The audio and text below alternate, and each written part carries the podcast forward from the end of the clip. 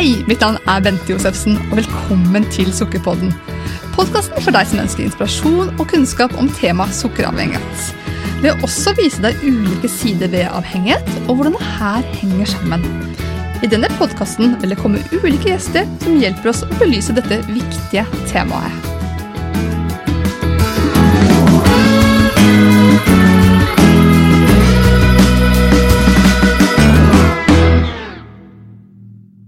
Med meg i dag så er Erik Bertrand Larsen. Velkommen hit, Erik. Tusen takk.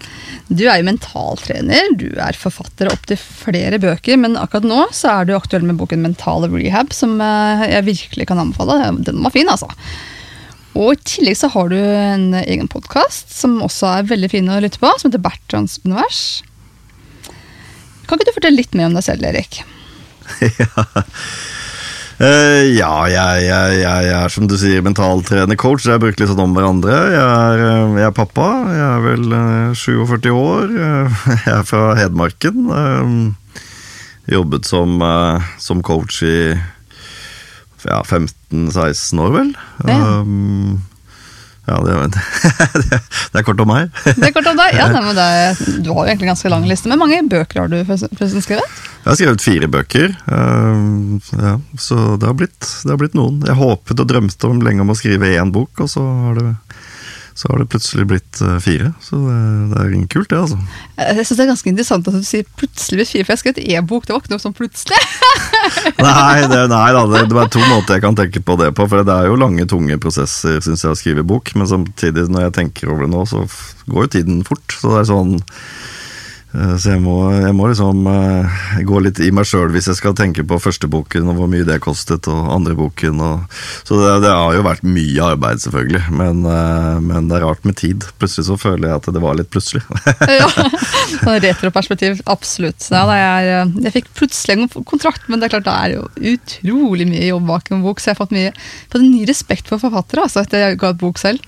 Ja, jeg ser jo den boken du har skrevet foran oss her. Den er jo mer omfattende, og jeg tror det er mer eh, grundig arbeid, kanskje. Eh, jeg, jeg, skriver jo litt sånn fra eget hode, så det er liksom ikke jeg har nok produsert fire bøker på noen år her som, som hadde vært vanskelig hvis man er mer har mer vitenskapelig tilnærming, da. Men, men Så det er, liksom, det er mange måter å skrive bok på.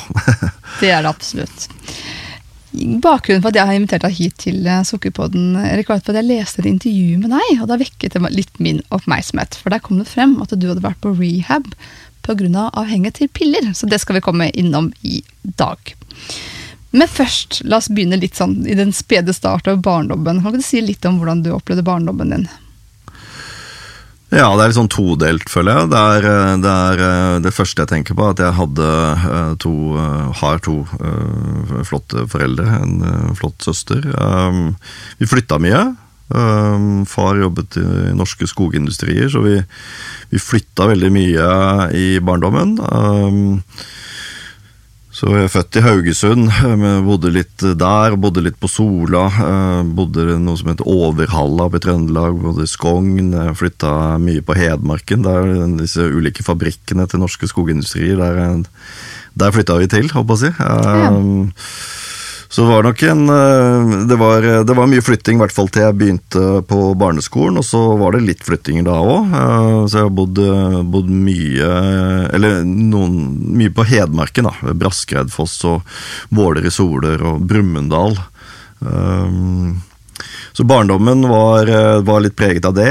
Og så var det også preget av at jeg syns Eh, jeg syns skolen, eh, barne- og ungdomsskolen, syns synes jeg var på mange måter litt krevende. Jeg var litt på utsiden. Jeg skar opp r-en, som jeg fortsatt gjør, fordi jeg lærte å prate på Vestlandet. Mor kom fra Haugesund. Og det å bo en del etter hvert på Hedmarken med skarre-ær, og var, jeg var liten av vekst, og jeg var dårlig i idrett, og uh, falt nok litt på utsiden fordi jeg også var etter hvert dårlig sosialt trent. Så, så, så jeg tenker jo tilbake på barndommen nå som at det, det var nok det var nok ikke noe jeg erkjente sånn bevisst der og da, men ser jo nå at det var, det var kanskje litt tøft og krevende innimellom. Um, øh, var litt, som, var litt på utsiden. Ble ikke invitert til alle bursdager, husker jeg. Og det var liksom, du ble valgt sist på fotballaget, og du ble litt mobba og erta. Og hadde noen incidenter på skolen hvor du følte deg veldig liten og,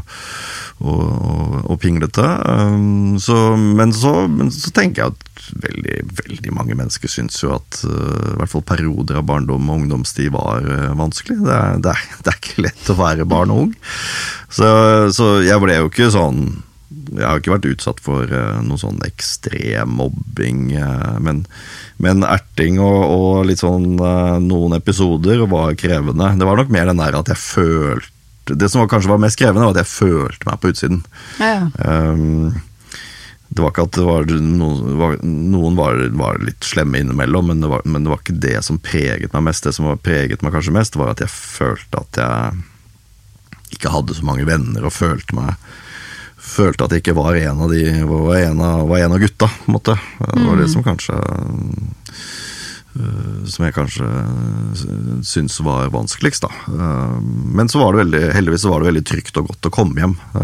Så mor og far var, var der, og jeg fikk mye kjærlighet fra dem, og mye trygghet og gode rammer. så så alt i alt så var det mye bra, men med en del utfordrende greier, da. Ja, nettopp. Ja, for I boka så beskriver du også at det, barndommen preget altså, Du tok en beslutning da, på vegne av deg selv som skulle få litt konsekvenser i voksenlivet?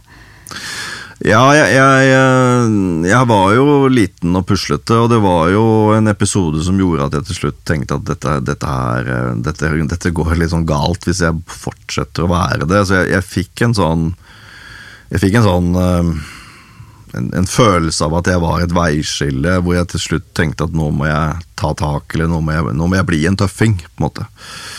Um, så jeg bestemte meg veldig tidlig for at jeg skulle bli en tøffing, og en onkel av meg hadde ved en tilfeldighet nevnt at det tøffeste man kan bli, var fallskjermjeger.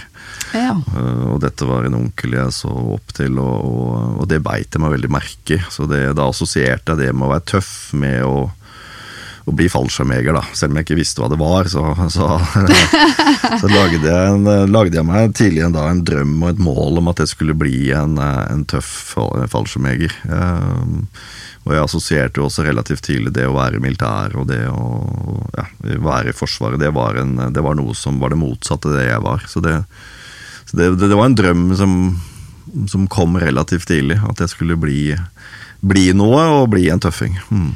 Og det klarte du òg? Ja, jeg gjorde, ja, jeg gjorde det. Uh, men det var, også, det var, en krevende vei, det. altså. Fordi at når jeg møtte på befalsskole Jeg måtte, eller jeg begynte med befalsskolen, da. Uh, så jeg turte ikke å dra på fallskjermjegeropptak uh, med en gang. så jeg, jeg, begynte jo da med befalsskolen i 1992. men jeg husker at jeg var ekstremt usikker på jeg hadde veldig veldig lyst, men jeg var veldig usikker på om jeg hadde det som skulle til. Eh, det var jo til og med kommentarer fra noen av gutta på, en måte på videoen at det var jeg ikke i nærheten til å klare. Mm. Um, og jeg husker at det var en som var ett år eldre enn meg, som Han, en, han var eksplisitt på det en, på en fest, husker jeg. Jeg var 17-18 eh, år, og så var han da 18-19, og hadde vært på opptak til befalsskolen for infanteriet. og han, han, han, var tydelig på at det kommer du aldri til å klare, Erik. Uh, så jeg var veldig usikker på om jeg hadde det i meg, men det var en enorm lyst til å klare det. Uh, ja. uh, jeg så på det som en mulighet da, til å, å, vise at jeg var en tøffing.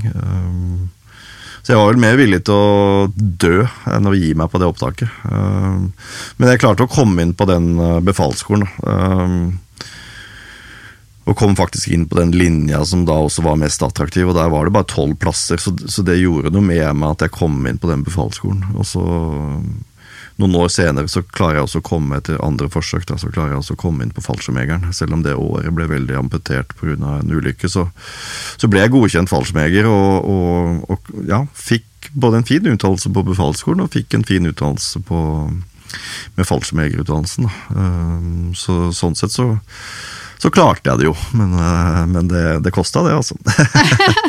ja, det vil jeg tro. Og du nevnte nå en ulykke. Kan du si litt mer om den? For den var jo også litt avgjørende for deg, skjønte jeg?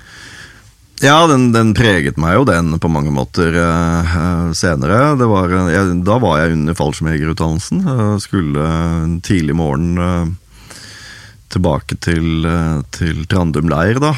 det var, vi hadde vel fri i helgen, tror jeg. Og så Jeg hadde i hvert fall vært på Moelven på en konsert, og så hadde jeg lånt bilen til mor. og så skulle jeg ned til Trandum, og så var det Eh, det var, det var, på vinteren, ja. Det var vel i januar. Og så var det grytidlig, fordi jeg måtte rekke oppstilling på Trandum. Og så var det såpeglatt på E6-en. Uh, eh, og det la jeg heldigvis merke til, så jeg kjørte veldig forsiktig. Uh, men det var, det var eksepsjonelt glatt. Så det hadde regna og frosset på, så det var, det var sånn unormalt glatt på E6. Så jeg kjørte relativt rolig, men uh, litt nord for Minnesund så, så, så jeg at en buss i motgående retning eh, mista kontrollen for meg i en venstresving. Um, så jeg, jeg, fikk noen sekunder eller noen tideler hvor jeg så at bussen mista kontroll, og så så jeg at den sklei sånn at han ble rettvendt mot meg. Og Jeg husker også at jeg fikk tid til å tenke hvor kan jeg, hvor kan jeg legge meg for å unngå bussen. Ja. Men jeg så at den på en måte dekka begge kjørefeltene. Eh, og autovernet til høyre og fjellveggen til venstre. Jeg skjønte i løpet av veldig veldig kort tid at uh, dette kom til å smelle. Ja. Så da traff den meg i fronten, og så var den så stor og tung at den skjøv meg bare tilbake på, um, på glattisen. da, Så den traff meg en gang til inn i sida. Mm -hmm. Men det var ikke noe sånn voldsom voldsomme krefter. Uh, så jeg var jo bevisst under hele krasjen. Uh, og, um, og, men bilen hadde blitt såpass vreka at jeg kom ikke ut av døren, så jeg måtte gå ut av vinduet, det knuste vinduet i fronten. Da. Ja. Uh, så da var det passe mye adrenalin i kroppen min, tenker jeg. Så, så, så, jeg prøvde på en måte å stoppe trafikken, og jeg gikk jo inn i bussen og, og prøvde å se om jeg kunne hjelpe til der. Um, så det var, eh, så det var, liksom, det var mye som skjedde i løpet av kort tid der, og så prøvde jeg å ringe politiet Nei, ambulansen, vel. Og så ringte jeg til brannvesenet. Jeg huska ikke hva som var hva.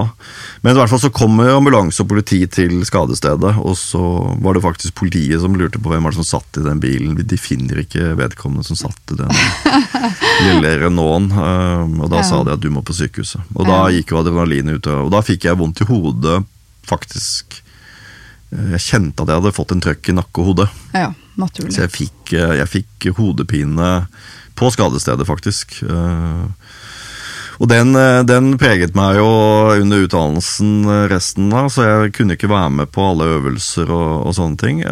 Så jeg, men jeg ble godkjent fallskjermjeger. Jeg tror det var med et nødskrik. Men da, men da etablerte det seg en kronisk hodepine da, som jeg sleit voldsomt med, i hvert fall de første to årene. Ja.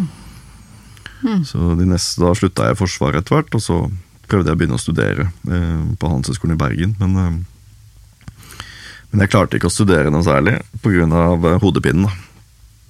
Så var, da ble det to, to, tre, fire år hvor jeg ble, ble litt deppa.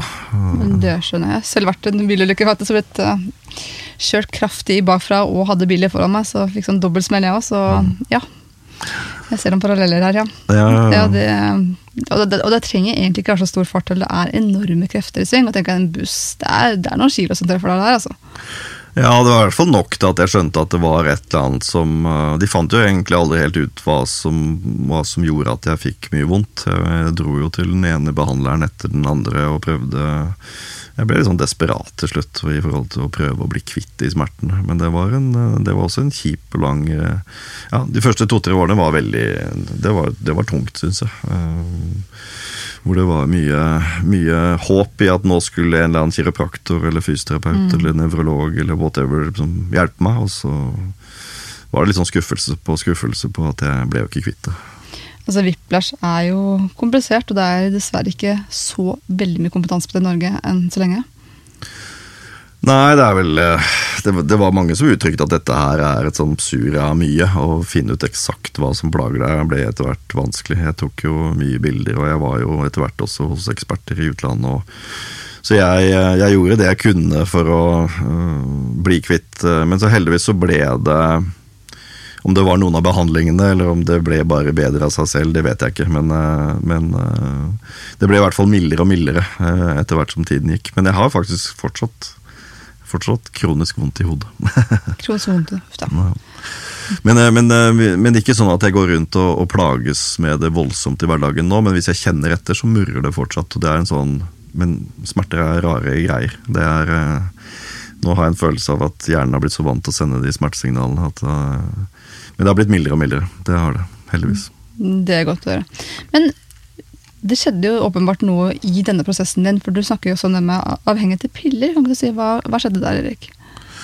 Ja, det er jo en lang historie, men for å prøve å være litt sånn presis, så var det jo øh, Altså, etter ulykken så hadde jeg mye vondt. Øh, dette er på midten av 90-tallet, øh, så det var jo da en sjelden gang at jeg Altså mine, jeg husker sånn Mitt forhold til piller var jo at uh, det var jo en sjelden gang i barndommen at uh, min mor og far aksepterte at jeg, jeg, tror, jeg kan nesten ikke huske at jeg tok type Paracet. Uh, det var øh, drikk vann, få nok søvn. øh, vi, vi tar ikke det, det satt langt inne å måtte ta en Paracet, for å si det sånn. da. Ja. Um, så, så mitt forhold til piller var jo at det her må man prøve å unngå.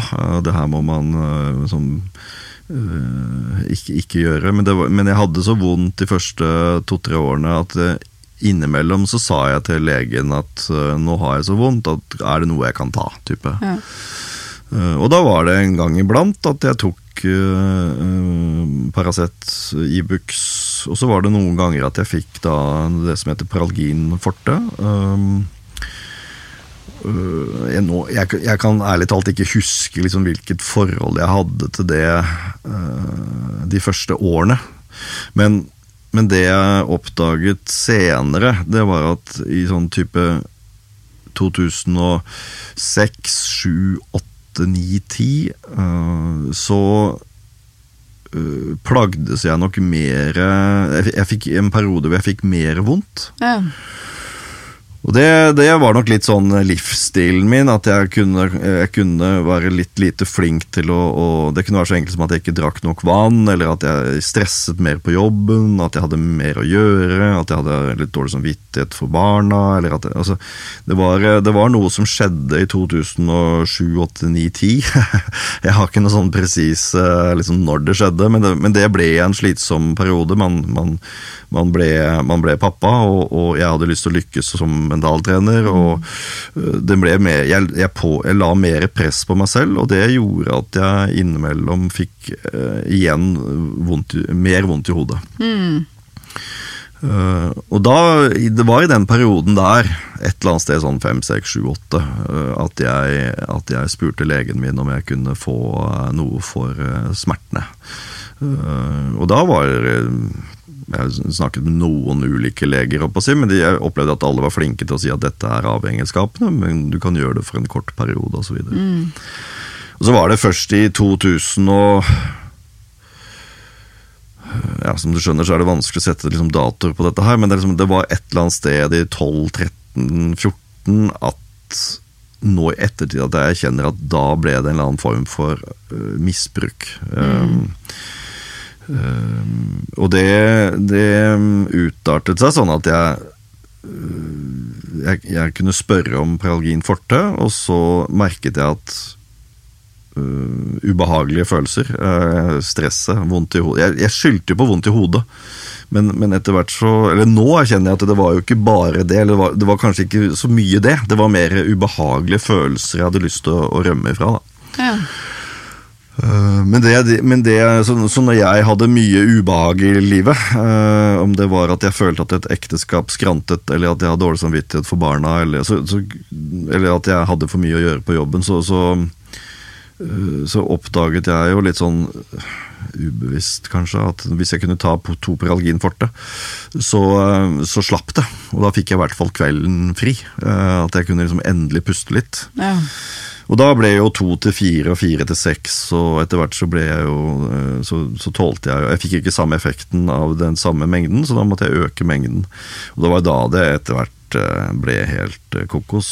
Og, men jeg fornektet det.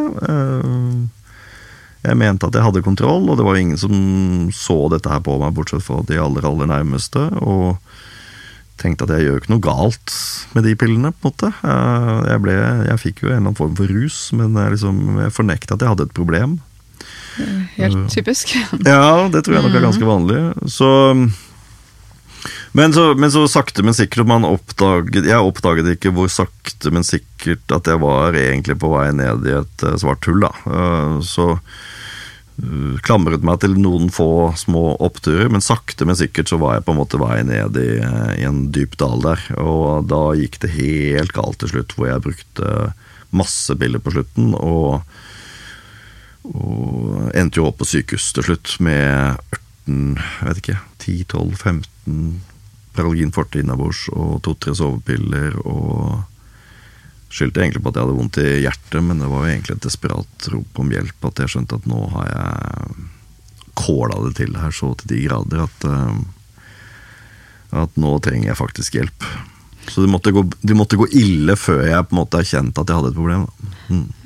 Det er jo mer vanlig at man må nå et bunnpunkt da, før man er villig til å erkjenne at man har et problem. Men er det greit om jeg spør deg, hvordan fikk du tak i alle disse pillene? Altså, Du kan ikke få resept på så mange fra én samme lege, eller? Ja, det var én og samme lege. Det var det. Uh, når jeg sier antall piller og sånn, så, så, så, får man ikke regnestykket til å gå opp. Men jeg, jeg hadde en uh, det, har ikke, det har jeg ikke for så vidt nevnt så mye i boken, kanskje, men jeg kunne få jeg kunne bare sende en tekstmelding jeg, til denne legen, mm. og så fikk jeg 100 på Algin forte. Han, han, nevnte for så vidt på at dette er for en periode, og dette er avhengighetsskapende, så han gjorde alt rett, og nå må vi prate om dette her, Erik, og sånne ting. Men jeg, liksom, men jeg sendte veldig sånn tekstmelding at nå er jeg desperat her, kan du hjelpe meg, type. Um, men det jeg gjorde, vet du, han sier at da kan du ta én sånn, og så kan du ta én sånn. Jeg lurer på om han sa to i døgnet eller et eller annet sånt. Um, eller om det var fire i døgnet, det husker jeg ikke. Men da hadde jo jeg på 100 Prologin forte. Så ja. det jeg gjorde, var at jeg tok 100 altfor fort. Da kunne jeg ta 5 og 10 i løpet av en dag. På det verste. Sikkert opptil 15 også på det verste. Aller verste. Men, men uh, da ble jeg jo tom relativt raskt. Mm. Og da hadde jo ikke jeg tilgang. Nei, dette. Og da slutta jeg. Da slutta du, ok. Og da var jeg uten en uke eller to. Mm -hmm. Og så tenkte jeg at nå kan jeg tørre å spørre igjen, for da regner han på at nå har han bare brukt så og så mange i snitt, men det jeg gjorde var at jeg brukte masse. Og så slutta jeg cold turkey, og så var jeg uten og detoxa da en uke og to eller tre. Så jeg var av og på i flere år. Av og på, av og på, av og på.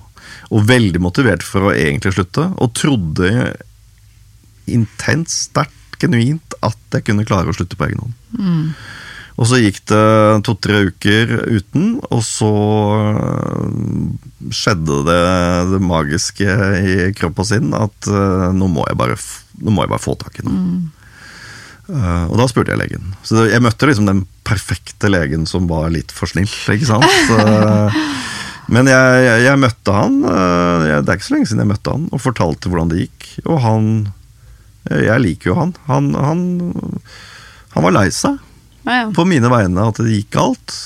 Og så så han jo på antallet, og så kunne han ikke ta for mye selvkritikk på at jeg ser jo her at snittet, hvis du hadde fulgt mine råd og brukt så Så er det ikke så huggærent. Men at Han visste jo ikke at jeg da ikke hørte på han, men at jeg banka ned på de 100 altfor fort og fikk en form for rus. Eller fikk jo en rus av det. Ja. Og så var jeg kanskje mentalt ganske sterk fordi jeg da var totalt uten i en uke, to eller tre. da, ikke sant? Mm. Og så turte jeg å spørre han igjen. Så det var jo bad. ja, altså det, det, som det høres ut som her, Du har jo virkelig oppnådd det man kaller toleranseutvikling, som man opplever med alle rusmidler, og inklusiv sukker. ikke sant? At mm. Etter hvert så gir du ikke samme effekt, og da må man jo øke mengdene. Mm. Eh, så det er jo helt eh, typisk. Og det andre er jo det du også beskriver, at eh, vi har lett for å tenke at vi skal lure noen andre. Det er jo egentlig oss selv vi lurer. Ja. Det er jo vi som har problemer, og ikke legen. Mm. Ja, ja, ja. Altså, jeg har faktisk aldri vært sur på han. Jeg, jeg har aldri, mange har jo liksom spurt meg men hvordan kan en lege gjøre sånn. Nei, jeg tror ikke han gjorde så mye galt. Jeg. Uh, jeg, kan, jeg, har aldri vært sur eller bitter eller furt på han. Hadde ikke han gitt det, så hadde jeg vel alltid spurt en annen. Og det var jo mange, det, mange som forteller at de shopper shoppa, ikke sant. Så Dro til mange forskjellige leger, og til slutt så fikk de en del resepter sånn og sånn. Så, men øh, Så jeg var, jeg var, sånn sett var jeg flink. Jeg holdt meg til én lege. Han ga meg for mye i forhold til at jeg misbrukte de på kort tid. Så, men jeg hadde en real prat med han etterpå, og han jeg sa at jeg er ikke sur på deg. Jeg, her, jeg kan bare blame meg selv at jeg kåla det til. Det, det, jeg, kan ikke, jeg kan ikke skylde på noen andre enn meg. Men samtidig, det her er jo en eh, fysiologisk sykdom. Det er ikke sikkert du skal belemme deg selv engang, faktisk. Nei, og det du sier der var jo noe jeg Jeg belemret meg veldig før jeg, måtte, før jeg dro på rehab. Ja. Eh, Og jeg belemret meg veldig under rehab, men de sa det samme som du sier der. Og det, det fø- altså at dette er en, de, de brukte ordet sykdom. Ja. Eh, og det gjorde at jeg ble mindre sint på meg selv, eller mindre skuffa, og skammet meg litt mindre. At liksom, dette her er ikke noe du kan. Men samtidig så er det noe defensivt med det òg, men, det, men det, det hjalp meg nok i prosessen på å bli frisk. Eh, Eller komme meg ut av det. Eh, At jeg, at jeg eh, skjønte at det var kall en sykdom, da. Utfordringen med all avhengighet er at det kommer så snikende, og hvis man ikke både har kompetanse på det heller, så er det ikke så lett å oppdage det her heller. For det er jo det som er strukturen i dette belønningssenteret, er jo at det lurer seg sjøl triller rundt. Så det er jo helt menneskelig, tenker jeg. Men det som du snakker om defensivt, jeg tenker at ja, i behandlingsøyemed så er det viktig at man blir ansvarliggjort. man forstår at det er, jeg, det er jeg som sitter på makta til å gjøre noe med det her med rett hjelp.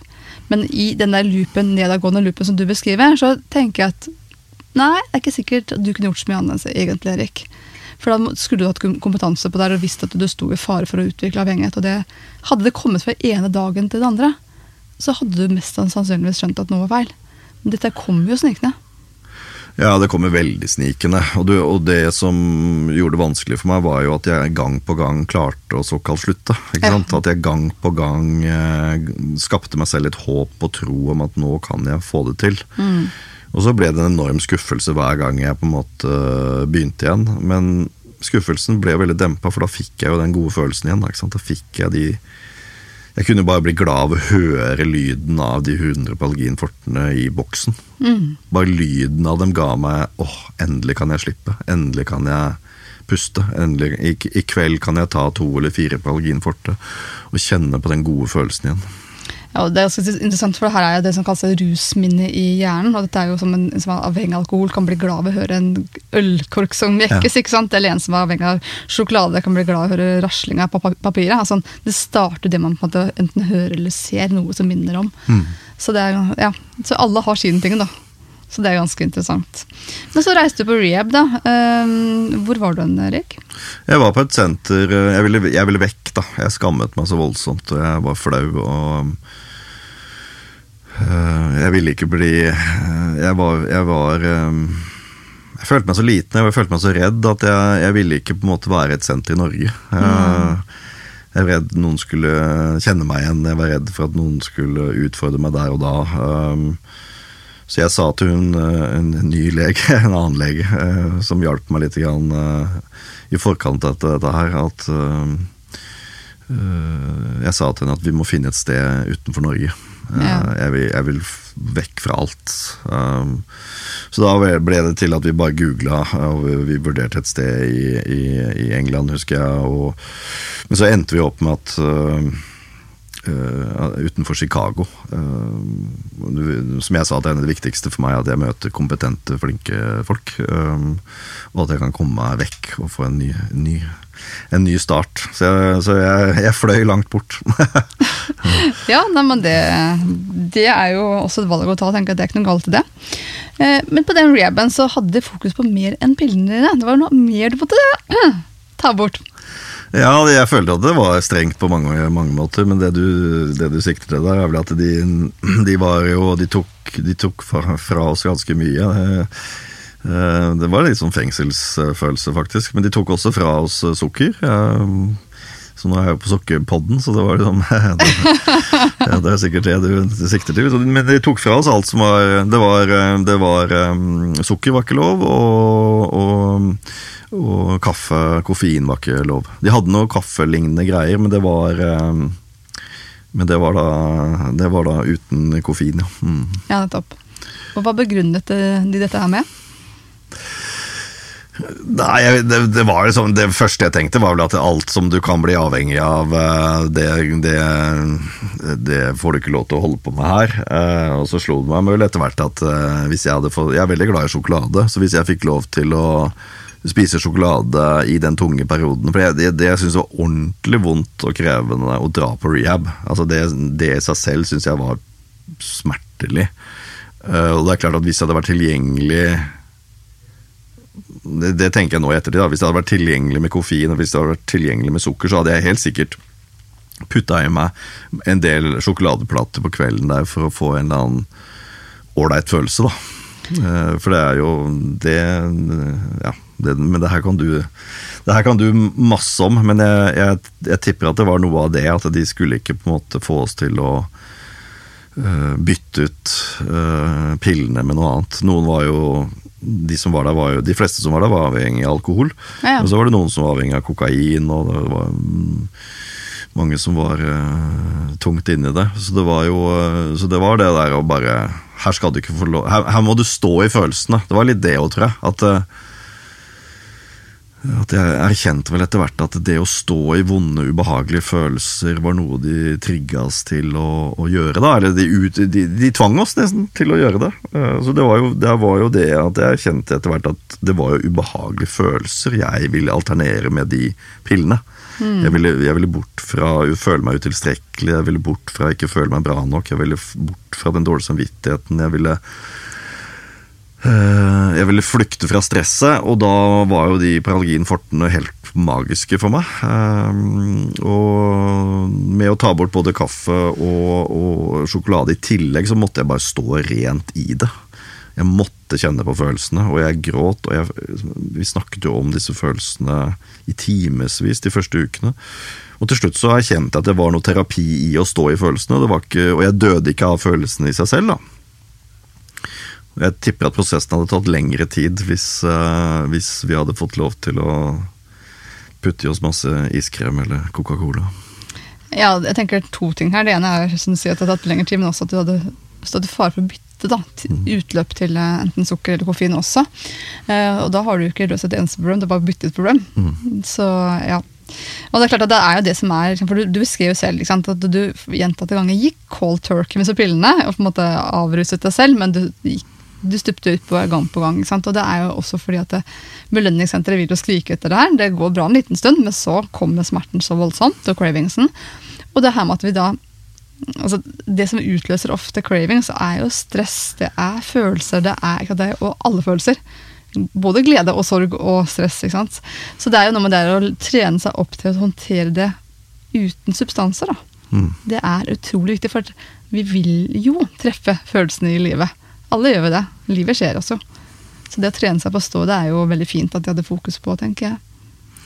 Ja, det var, det, var jo, det var jo på en måte litt sånn gjennombruddet for meg å forstå uh, hvem jeg egentlig er, og med det kommer det mye følelser. Og som du sier, livet slår for oss alle uansett. Og at det ikke er um, det, Du bør ikke flykte fra de følelsene, du bør heller stå i dem og være nysgjerrig på dem og kjenne på dem. Og sakte, men sikkert kanskje prøve å bevege seg ut av dem uten noe, noe stimulans. da. Okay. Og klart at det som jeg altså nevnte, Vi hadde en liten, liten sånn innledende prat, er jo at veldig mange tror at avhengighet kommer av at man skal døyve i følelser. Men det vi ofte ser, er jo at det utvikler seg en avhengighet først. Og da blir løsningen å ty, ty til det man er avhengig av for å døyve følelser. Så det er ofte litt motsatt rekkefølge enn mange tror. da. Så det er ikke sånn at man kan snakke seg ut av en avhengighet først- ved bare å forstå følelsene. For Man må forstå at dette er faktisk en fysisk sykdom i belønningssenteret som også må behandles parallelt med følelsene. Så ja. Nei, men Det er veldig spennende, Erik. for at det, du også beskriver i boken, var at du på et eller annet tidspunkt lurte på som om du egentlig var på rehab for sjokolade eller piller. Ja, det var jo, ja, det var jo um, man, Jeg skjønte jo rasjonalet, men det er klart at uh, når du ikke får kose deg med uh, Det jeg normalt sett koste meg med, var jo borte. Pillene Jeg kunne kose meg med sjokolade òg, jeg, men uh, jeg følte liksom alt, alt ble litt sånn Alt ble litt fratatt oss. Men det var for så vidt interessant. Når jeg tenker på det nå, så var det sånn at da, Men da måtte jeg putte mer kos i det å få trent, eller jeg må putte mer kos i i det å, å se en film, eller eh, det å lese en bok, eller Vi fikk popkorn hver fredag, for da var det filmkveld. Og da husker jeg, da, da får jeg bare nyte den popkornen så godt jeg kan, da, på en måte. Uh, så, men jeg savna, jeg savna sjokolade. Det gjorde jeg. Uh, savna kaffe. Men det er jo litt sånn, jeg tenkte jo det er litt sånn typisk det du tar fra Det du blir fratatt, savner du. Det, men uh, ja, jeg, nei, det var litt sånn Husker jeg faktisk jeg søkte om å få sneakers. Ja. ja. Uh, og det fikk jeg.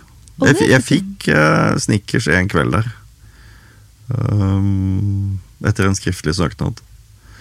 Uh, men det var jo en interessant det òg, for det, du ble jo litt skuffa. Det var ikke så godt som jeg håpa det eller trodde det skulle bli.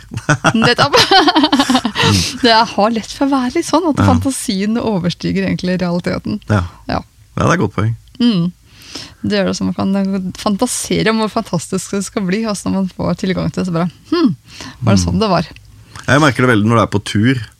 Og hvis det er lite mat, eller på øvelser i Forsvaret, så kunne jeg fantasere mye om mat. Ja. Når du først fikk den maten, så var jeg dessverre litt sånn skuffa. Men, men da tenker jeg at det er en verdi å lengte, det er en verdi å savne, det er en verdi å, å glede seg til nå. Men eh, så, så har det slått meg mange ganger at det var ikke så godt som jeg trodde at det skulle bli. Nei. ja, det er interessant, eh, Erik. Men du har jo også fått boken min, så du kan jo lese litt, og så kan vi jo ta, fortsette denne praten vi om sukker og ja. Forstå litt mer hvordan det alt henger sammen. Absolutt. Men jeg har lyst til å gå litt mer til bunns i denne, denne boka. For jeg synes det er så mye fint og verdifullt i den. Så den tenker jeg at det er sånn bok jeg merker at jeg har lyst til å lese gang på gang. For det er noe å hente ut noen gullkorn hver gang og fundere litt over, da. Hyggelig at du sier. Ja. eh, og no, noe av det du skriver som jeg syns treffer så godt, at det første steg er å godta situasjonen. For vi har jo vært litt innom det her i stad, det med fornektelse. Kan du si litt mer om det, Erik?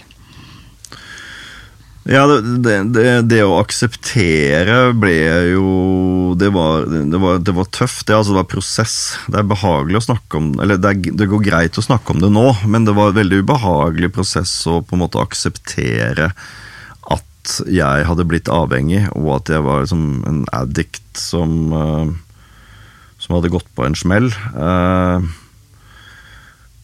men, eh, så det var en prosess, det, å, å, å godta og akseptere at nå har du gått på trynet, nå, nå har du et problem, du er syk, eller du har, du, du har et ordentlig problem.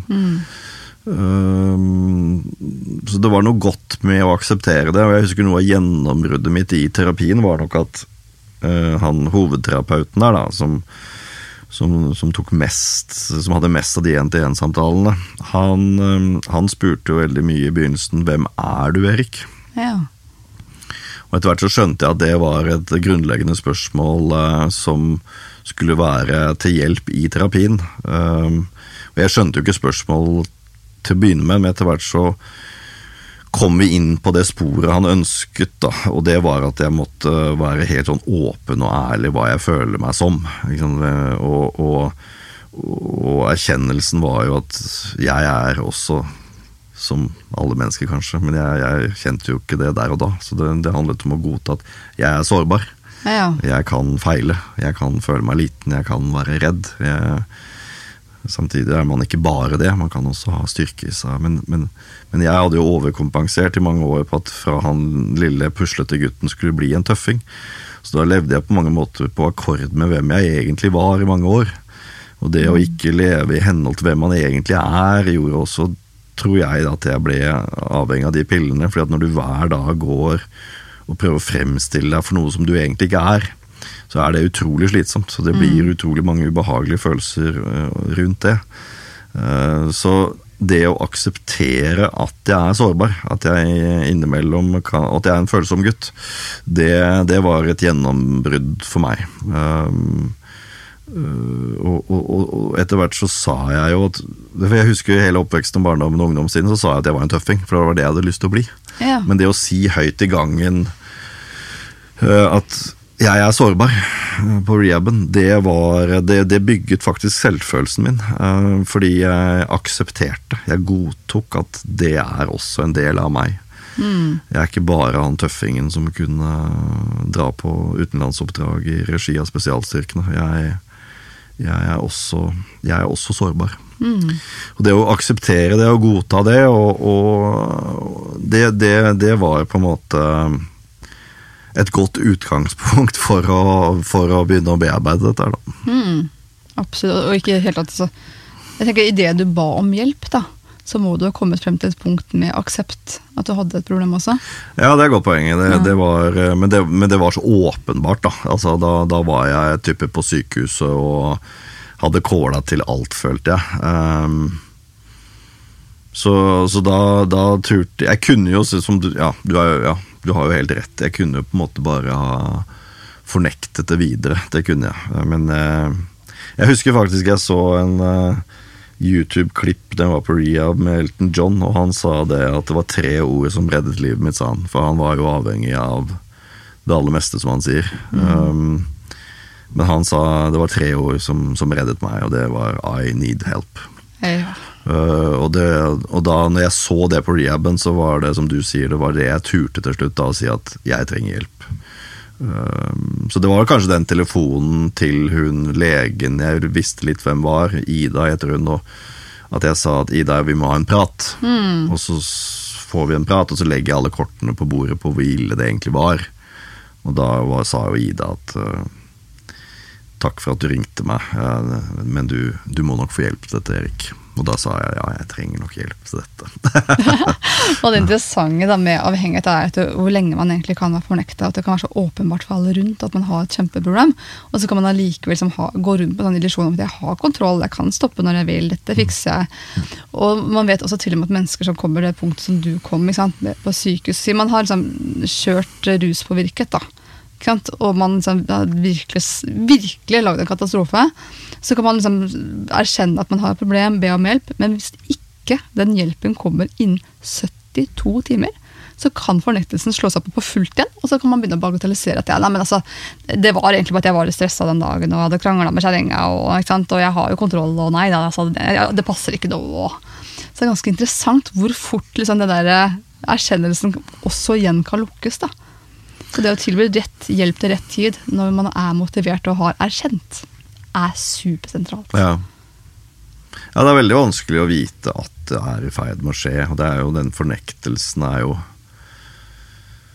Det er litt sånn vanskelig ord å si fornektelse òg, for det går jo fra å være frisk og føle seg normal, da, ikke sant. Så det, når er det egentlig varselsignalet kunne ha kommet? Jeg var jo ikke åpen om dette her med noen heller, så det var jo sånn Og så når du i tillegg da er flink til å slutte mange ganger, så får du jo håp ja, nei, det, er, det, der er, det der er fryktelig vanskelig. Altså. Det er fryktelig vanskelig på en måte å oppdage det. Det er nesten det som er litt sånn fortvilende. For jeg har jo gjerne lyst til å, å hjelpe jeg, ønsker, jeg elsker å hjelpe mennesker, men jeg hjelper jo ikke syke mennesker. Jeg jobber jo ikke med avhengighet til vanlig. Men hvis jeg kan inspirere noen til å spørre om hjelp litt tidligere enn det de normalt sett eh, ville ha gjort, fordi jeg forteller historien min, så det er jo det helt fantastisk. Men jeg må jo innrømme at dette her er jo ditt ekspertområde, men det med avhengighet er jo utrolig komplekst. Det er liksom sammensatt. Det er, eh, jo mer jeg lærte om det på rehaben, jo mer tenkte jeg at du verden, eh, det blir spennende å se hva, hva psykologien sier om dette her om, om 10 år, 20 år, 30 år, 40 år. For jeg følte liksom at jo mer de fortalte oss om sammenhenger og hvorfor og hvordan og hva, så tenkte jeg at det- det- dette her er jo ikke noe eksakt vitenskap. Dette er komplisert, dette er ganske individuelt. Dette her er eh, jeg, jeg ble jo veldig overrasket når jeg skjønte at flere på den rehaben hadde vært på rehab før. Ja, For jeg tenkte at spør du om hjelp, dra på rehab, da er det gjort. Det var det jeg tenkte. Men jeg har jo ikke noe forhold til avhengighet. Jeg, noe jeg kjenner ingen som har vært på rehab. Ingen i familien har vært på rehab. Altså, jeg hadde ikke noe forhold til det. Men jeg tenkte at drar du på rehab, da blir du frisk. Det var min innstilling. Og så skjønte jeg etter hvert jeg ble kjent med de andre innsatte, som vi kalte oss. Så, så skjønte jeg jo at eh, nei, nei, flere der hadde jo vært på rehab før. Og da ble jeg helt sånn What? Er, er ikke dette, Har de ikke løsningen her? Liksom? Blir ikke jeg frisk nå? Ja, Nei, nei, tøffe arbeidet begynner du å komme hjem. ja. ja, Hvilke tanker har du gjort for din egen del da? Har du, er du trygg på din, uh, prosess og til, det vi kaller tilfrysning, eller er du, har du en usikkerhet i det? Ja, vi, det er jo et interessant spørsmål, fordi vi, vi, lærte jo veldig mye om at er du avhengig, så er du avhengig type. Er du alkoholiker, så skal du kalle deg alkoholiker resten av livet. Og vi var jo på masse sånne AA-møter eh, på, på, bygda på kveldene. Hvor vi fikk møte andre som sleit med tilsvarende. Uh, og jeg skjønte jo etter hvert at uh, den, den, tøffe jobben er jo å holde En ting er å dra på rehab, men en annen ting er jo å være nykter, edru, ikke ruse seg for resten av livet. Det er jo mm. det som blir på en måte kampen. Um, så de var veldig opptatt av hva skjer når du kommer hjem. Hvilket miljø kommer du tilbake til, hva slags type fristelse vil du bli utsatt for. De var veldig opptatt av miljø, for det, de annet snakket om uh, amerikanske soldater som ble avhengig av uh, mye greier i Vietnam. Altså, misbruk var et kjempeproblem for, Vietnames, uh, for, for amerikanske soldater i Vietnamkrigen. Uh, og, og, og det forskningen i ettertid viste, som jeg beit meg veldig merke var at det er veldig mange av de som uh, drev og, og dopa seg på, i Vietnam, de, de, slutta cold turkey når de kom tilbake til USA, og, var faktisk friske uh, i mange år etterpå. Men det var veldig avhengig av at de kom tilbake til et riktig miljø. at for det, Utfordringen med når du er rusavhengig, er jo veldig ofte, har jeg skjønt, at du kommer tilbake til miljøet du håper å si, ble eh, avhengig i. Og, mm. og, og, du blir Kanskje du slutter med alkohol, men du begynner med kokain. Eller mm. eh, De snakka mye om sånne cross addiction. At når du har slutta på én ting, så er det lett å begynne med noe annet. Kan, du kan være stolt og glad for at du slutta med alkohol, men eh, problemet er at mange begynner med noe annet greier der ute. Men for å svare på spørsmålet ditt, så har jeg fått fantastisk hjelp etterpå. Altså, jeg gikk i, i, samtaler med en psykiater i de første to årene. Så gikk jeg, gikk jeg til han både én og to og tre ganger i uken, faktisk. Mm, bra. Eh, for å øke sannsynligheten for at dette her skulle gå, gå bra, da. Uh, og han syns jeg var helt fantastisk. Altså, han forklarte meg Han, han kunne mye om, om temaet, syns jeg, og ja, var flink til å liksom bearbeide disse greiene her sånn. Uh, så hadde det ikke vært for han, så tror jeg det hadde vært, hadde vært en fare for at man eh, For det er liksom to måneder uten er liksom ikke all verden. Så at det, denne prosessen egentlig varte i to år, tror jeg har vært viktig. Mm. Og at jeg har han tilgjengelig, og at vi har vært åpne og ærlige. Og jeg føler meg trygg nå, men jeg har respekt for at skal, dette må jeg være bevisst på resten av livet.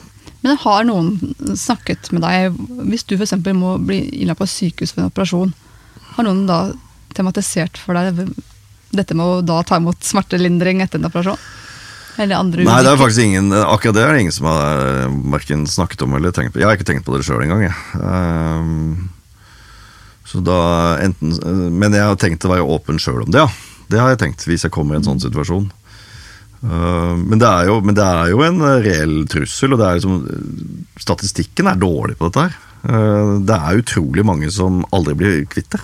Ja. Utrolig mange som kan være kvitt det et år og to. Jeg snakket jo med flere av dem. ja, ja, jeg var uten alkohol i fem år, og så begynte jeg på igjen. Mm. Og så gikk det tre år, og så var jeg uten igjen, og så var det på igjen. Altså, det er noen som liksom virkelig sliter resten av livet med dette her, selvfølgelig. Og det er det er trist, ass. ja, det er. Og det er, så, og det er derfor så utrolig viktig at man har kompetanse og støtte rundt seg, så man virkelig forstår hva som kan være varselsignalene. Mm. Og jeg tenker at det som eh, jeg synes var interessant, er at de ikke har tematisert for deg din sårbarhet hvis du faktisk må ta imot uh, medisinsk behandling. Hvis du blir satt på en ulykke eller må gjennom et inngrep, så er det noen ting du skal være litt oppmerksom på. Ja, det er et veldig godt poeng. Jeg har faktisk ikke tenkt på det. Uh, hvis jeg liksom blir utsatt for en situasjon hvor du liksom må få noe smertelindring eller få noe kodin eller morfin-greier mm. uh, um, ja. Så det har jeg faktisk ikke tenkt på, men da får, eh, da får, man, da får man, ta en ny runde etter at man har fått den. Ja, Det kan vi snakke om uten podkast, men bare, bare, det, bare, det, er, det, er, så stort og komplekst som du sier. Mm. Og det med altså, å få den riktige opplæringen, så man vet hva man skal være oppmerksom på, mm. det er jo en del av det der med å redusere faren for tilbakefall. Da. Så det er jo superviktig, tenker jeg. Det, det, det, det, kraftigste For det er mange som har spurt meg, både av venner og håper å si når jeg har vært i intervjuer og sånn, og det er, sånn, det er jo veldig fort gjort å stille spørsmål ja, hva nå, da? Ikke sant? Så er du, er du, frista? Har lyst til å ringe en lege igjen? Og? Så blir du frista? Har du lyst til å ringe en lege igjen? Og Så nå har det jo gått tre, fire, tre og et halvt år. har det gått nå. Mm. Og det vet jeg at det er relativt kort tid, men samtidig så det som, det som er litt sånn godt for meg å kjenne på, eh, det høres kanskje rart ut, men det er at når jeg tenker på de pillene, eller tenker på den perioden, så assosierer jeg den med så mye smerte. Jeg assosierer den der, de siste to-tre årene inn mot det sykehusoppholdet. Jeg assosierer den flyturen til rehaben. Jeg assosierer løpeturene på morgenen på rehaben med så mye smerte. At nå assosierer jeg pillene med, med ubehag. Sant? Jeg assosierer det ikke med velbehag som jeg gjorde. Så det, det er noe jeg føler at jeg kan lene meg litt til. eh, At, eh, at jeg føler meg, akkurat nå, da, føler meg trygg på at dette her skal gå bra, men samtidig en respekt for det, da. Absolutt. Ja, det tenker jeg utrolig viktig, for det som er at det belønningssenteret jobber litt, litt i bølger. da. Mm. Og, og de bølgene kommer for oss alle, men hvis man på en måte er oppmerksom, skjønner, skjønner disse bølgene, så trenger ikke det å bli et tilbakefall, men man må på en måte ha kompetansen og ha oppmerksomheten rundt det her. Og hvordan eh, dette belønningssenteret kan lure oss til rundt og tenke at ja, men altså, bare nå går det sikkert greit med en pille. Eller en sjokolade for de som har en sukkeravhengighet. Bare akkurat nå. Jeg skal jo ikke starte igjen, jeg skal jo bare akkurat nå, for nå har jeg skikkelig vondt. Nå trenger jeg det, ikke sant. Og så skjønner man ikke at man egentlig har lurt seg selv. For Men de, men de tingene der snakket de mye om. Ja, det er bra. Uh, og det å kjenne igjen de, de røde flaggene der, det, det snakket de mye om. Og der var det nesten litt sånn scenariotrening, litt sånn skuespilltrening på dette. Som, de, som du sa, at det, dette kommer i svingninger, og man kan føle at man har kontroll. Men det kommer til å komme tøffe perioder. Type. Hva gjør man da? Men det viktigste verktøyet jeg har, faktisk, er at jeg nå, nå tør jeg å spørre om hjelp. Så hvis jeg, får, hvis jeg føler at jeg får feil tankerekke på det, så, så tør jeg å ringe en venn, eller jeg tør å ringe han øh, psykiateren. Og, og det føler jeg er liksom en god buffer å ha, da. veldig bra. Um, men eh, ja, det er komplekst, altså. Det er nesten sånn at jeg, det, jeg sa det flere ganger til, på rehaben òg. Jeg, jeg sa at det, det her eh, Det overrasker meg litt at, eh, at vi ikke vet mer eh, om dette her. Det var liksom innledningen min, men så skjønte jeg at det er så komplekst. Det kommer fra alle, alle har sin reise. Det er nesten sånn at jeg tenkte at hvis, hvis folk skal komme seg ut av det, så må de nesten treffe den rette sparingspartneren. En som forstår deg med rett kjemi, med rett energi. liksom. For det er ikke, dette er i hvert fall ikke bare noe du kan lese i en bok, og så blir du liksom eh, frisk. Nei, absolutt ikke. og jeg tenker at Det er det jeg får tilbakemelding i mitt, daglige arbeid, i og med at jeg selv har en sukkeravhengighet. At det er jo det som treffer så godt også. At jeg har kombinasjonen av både egne erfaringer og den faglige kunnskapen. Og det tror jeg er en kjempefordel det Mm. For bare å forstå det teoretisk, det tror jeg ja, kanskje ikke er like effektfullt. Nei. Så det å ha gjennomledd og, og for, det, det, for andre som ikke har erfart avhengighet, da, så kan det virke så utrolig åpenbart at vi må jo skjønne vårt eget beste. Men det gjør vi ikke når vi står midt i det. Nei, og det er mye av grunnen til det er fordi at det skjer så utrolig gradvis. Nesten sånn umerkelig, ikke Ja, det kommer snikende. Mange har en eller annen eh, greie på at det begynte med pillen, eller det begynte med et par Jeg husker det var en som fortalte meg normal fyr, ikke sant, som tilsynelatende et normalt liv. Så er det kanskje noen, Det kan du masse om genetikk, og om noen er disponert mer for den andre osv. Men han sa jo at han, de fikk eh, to små barn i familien. Og så hadde han en krevende tid på jobben. og så, Dette er sikkert en sånn klassisk historie. Men han sa da at eh, en sjelden gang så tok han seg en, en øl når han kom hjem fra jobb. Bare for å ta litt av edgen, som han sa. Um, før han på en måte gikk inn i rollen som pappa. Ehm, så da liksom eh, Det begynte med den ene ølen, og det er en sånn klassisk historie. da, ikke sant? Med at han tok den ene ølen, og så ble det litt oftere, eh, og så ble det til to. Og så til slutt så Det var jo det var jo helt vanvittig, men det var jo Det endte jo med at han kunne drikke en flaske vodka eh, per dag. For å få samme effekt. Ja. Eh, og da var han jo han, var, han målte jo faktisk noe greier i leveren han kom på den rehaben, og de legene på det sykehuset med noen ulike målinger på hvor ødelagt kroppen hans var, da. Så, så sa de faktisk på det sykehuset Han kom gråtende tilbake til rehaben, så sa de at det, det var snakk om uker, noen få måneder, før han hadde drukket seg i hjel. Ung, ung, flott mann, liksom, med to små kids. Uh, så nei, Det var, det var, det var, det var eh, Men det er sånn man ser uli- det, er, det er sånn alle i helsevesenet hele tiden ser, men som jeg har vært forskånet for. Og så bare slår livet litt inn, innimellom og hva folk egentlig sliter med. Altså. For jeg følte at jeg hadde relativt lite problemer i forhold til mange av de som var der. Da ble jeg litt sånn wow. Kanskje jeg var heldig som kom meg på rehab eh, i tide. Det kan du si. Men du var jo der som du beskrev, sammen med andre som var avhengig av alkohol og litt andre stoffer. ikke sant? Så du noe likhetstrekk mellom deg og dem? Sånn, hva, hva dere hadde tenkt og agert og illusjoner og Om det var noe likhet mellom oss som, som, som jeg ikke håper å si, ser med andre mennesker? Håper å si, Ja. eller haha. Nei, det, det tror jeg nesten jeg, jeg tipper Da må du nesten lose meg på ja, altså Det der med at man tenker at det var litt til, ikke sant? og jeg slutter i morgen. Altså man har noen sånne klassiske tankesett som Ja, jeg tror nok det var en gjenganger. At, ja. at det begynner i det små. Um, jeg fikk et inntrykk at mange av dem men det må ta med en liten sånn, men når du stiller spørsmålet, så slår det meg vel at flere av de fortalte at de var fulle første gang ganske unge. ja. Um, og vi var veldig åpne og ærlige med hverandre i disse gruppeterapitimene, og jeg fikk jo en følelse av at flere også hadde hatt en utfordrende barndom. Flere av dem hadde jo en dysfunksjon fra hjemmet i forhold til at en eller begge var eh, alkoholikere eller i hvert fall drakk, drakk eller koste seg for mye med noe. Så det var, liksom, det var mange som snakka mye Vi snakka mye om barndom, det gjorde vi. Uh, Men det derre litt litt til er ikke så farlig, og det er det jo gjerne ikke heller i seg selv. ikke sant? Men, eh, for, altså, nå tenker jeg fysiologisk, men eh, det begynner gjerne med den der at eh, Hun ene fortalte meg at hun var full første gang hun var elleve, og så var det en ålreit eh, Den rusfølelsen. Slippe forholdet til faren, slippe forholdet til moren. Um, følte at man var noe, slapp seg fri. Så det er nok mange sånne klassiske historier med at de var relativt tidlig prøvde noe, og så var det en følelse som ga noe kick. Altså, det er sånn som jeg også etter hvert assosierte, at jeg assosierte jo de pillene med å slippe, med en godfølelse.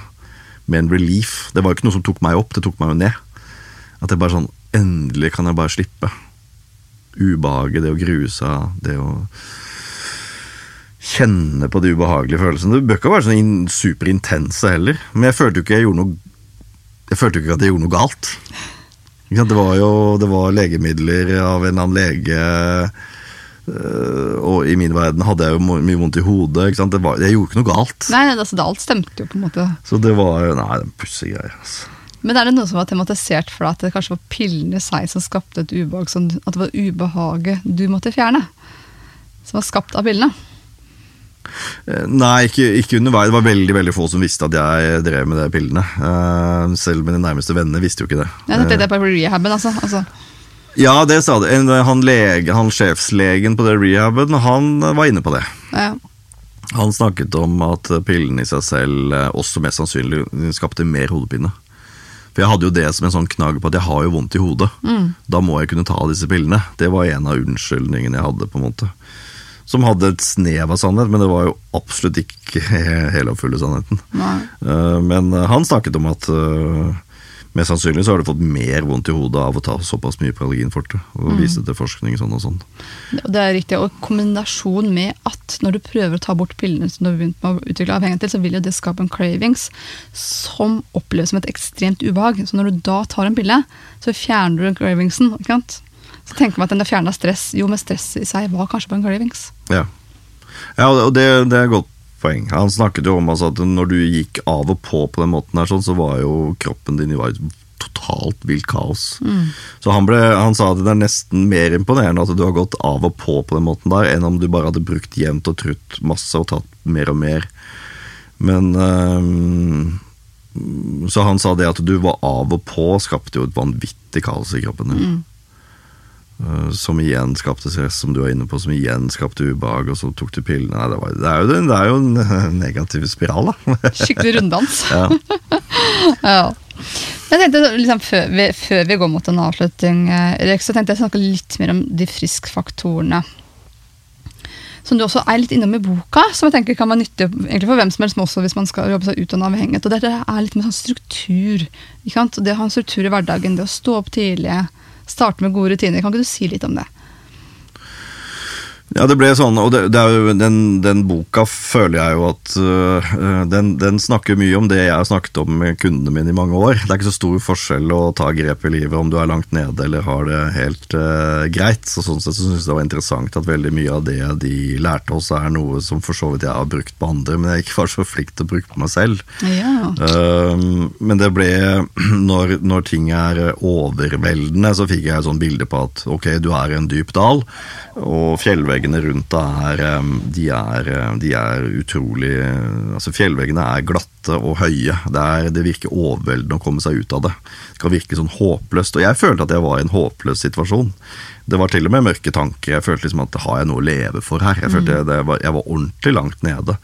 Um, selv om det åpenbare at man må leve for barna sine, eller uh, at man kan um, håpe og tro at man kommer seg ut av det. Uh, men det de ble veldig tydelige på, at ja, du er langt nede, ja, det er overveldende, ja, det er en langt vei å gå, men vi må begynne, vi må, vi må begynne på ett et eller annet sted må vi begynne her. Men det kan ikke være for ambisiøst, det kan ikke være for stort. Det, ikke, det, må gi deg en relativt Det må gi deg litt mestring, litt godfølelse. Det må, vi, må, vi må ta noen bitte små grep her som til slutt gjør at du, du får lyst til å ta noen flere grep. Og det de, de, snakket om at det er ikke så viktig hva du, hva du, gjør, eller hvor du tar tak, men et eller annet tak må vi ta. For vi var jo egentlig skjønt enige om at nå har du skrapa bånd her, på en måte. Um, så etter at jeg hadde grått meg ferdig og erkjent og godtatt og følte at nå var jeg der nede og Det, liksom, det var følelsen av at nå har jeg grått meg, har jeg grått meg tom. på en måte. Hva gjør vi da? Og da snakket de om at de, de, Struktur snakket de faktisk ikke så mye om for langt ute i programmet, men de, de ga jo oss struktur. Ja. De tvang oss inn i en struktur. Så de sa jo at du, dere må stå opp da og da.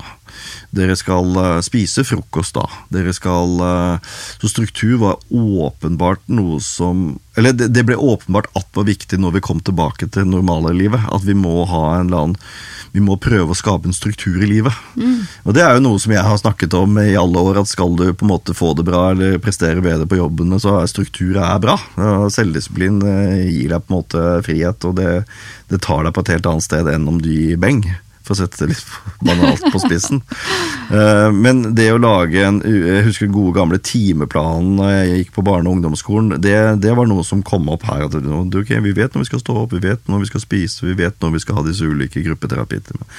Så etter hvert så snakket de om det, at det er, det er bra å ha en plan. Mm. Uh, og de snakket om at vi må ha et positivt mindset i forhold til det å lage en plan. Lage en god dag mange tenker på det å strukturere seg, det å planlegge er noe negativt eller slitsomt eller noe man ikke orker.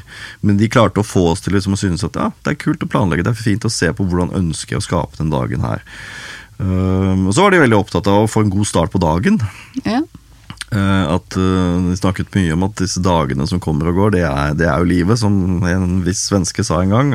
Inntil visste jeg at alle dager som kommer, gikk var selve livet. eller et eller annet sånt.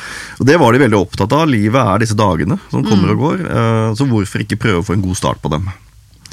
Hvorfor ikke komme godt ut fra hoppkanten, sa jeg som nordmann da. ikke sant? At Når du først skal sveve deg gjennom dette, denne dagen, hvorfor ikke prøve å komme godt ut fra hoppkanten? Mm. For kommer du deg godt ut fra hoppkanten, så øker sannsynligheten for at det, det svevet blir bra. Ja.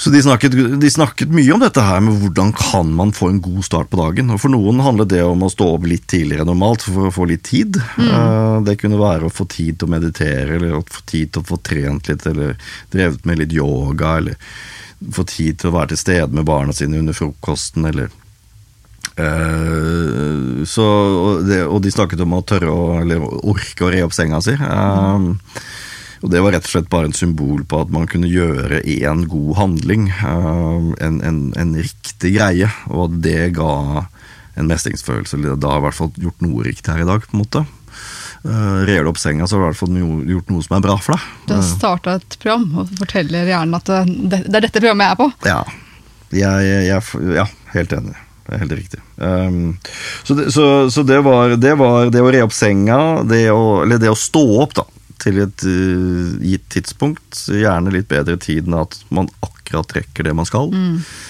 Re opp senga, og så ble det viktigere og viktigere dette her med å tørre å være i aktivitet, altså å trene. Mm.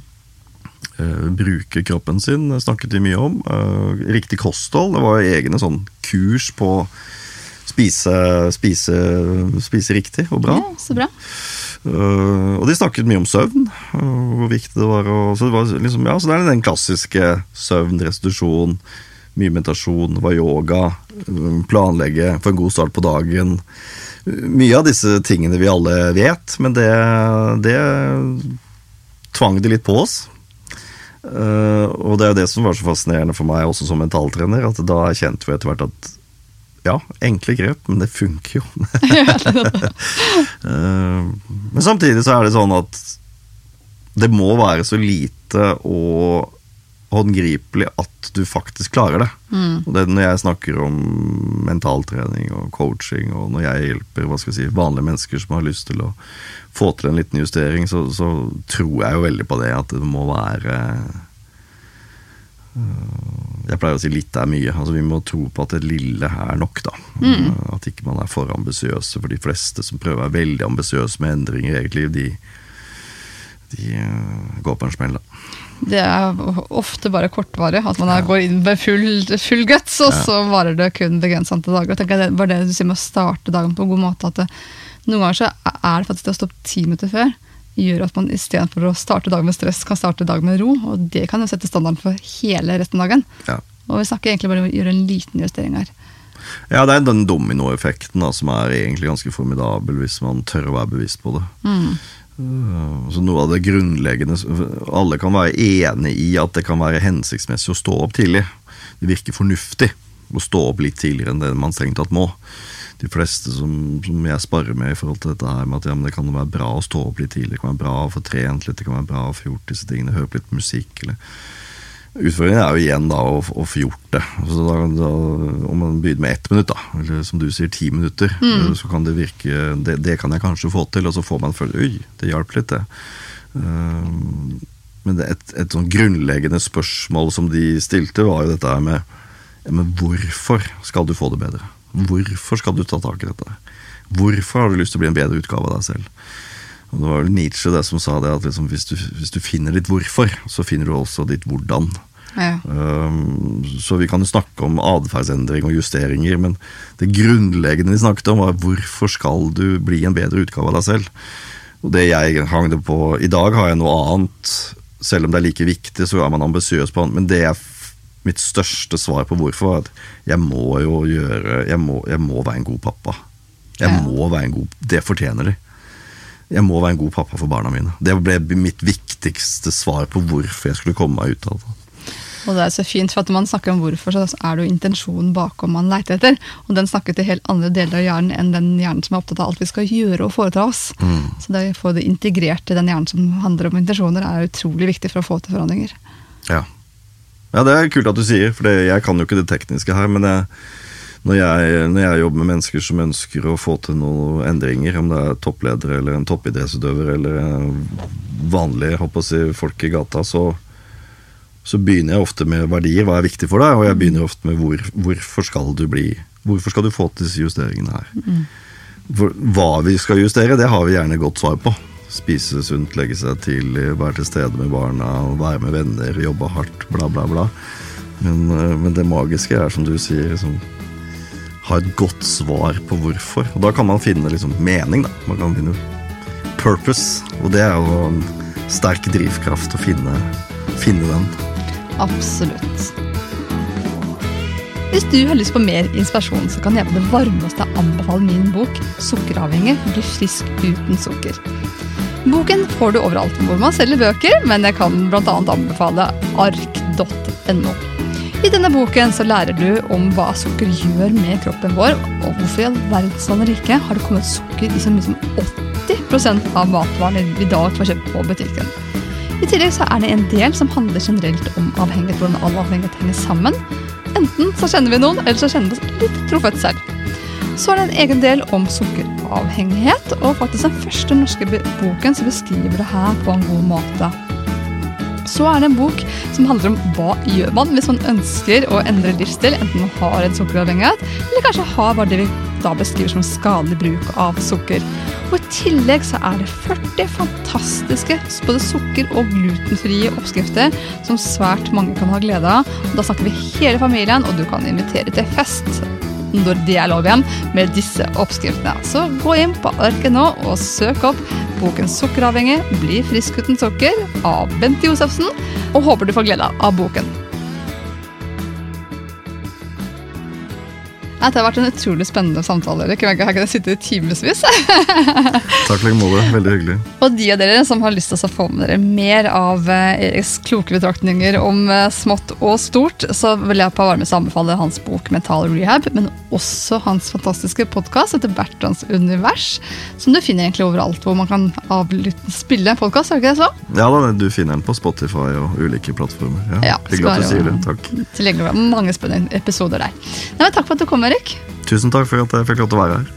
Ha det bra.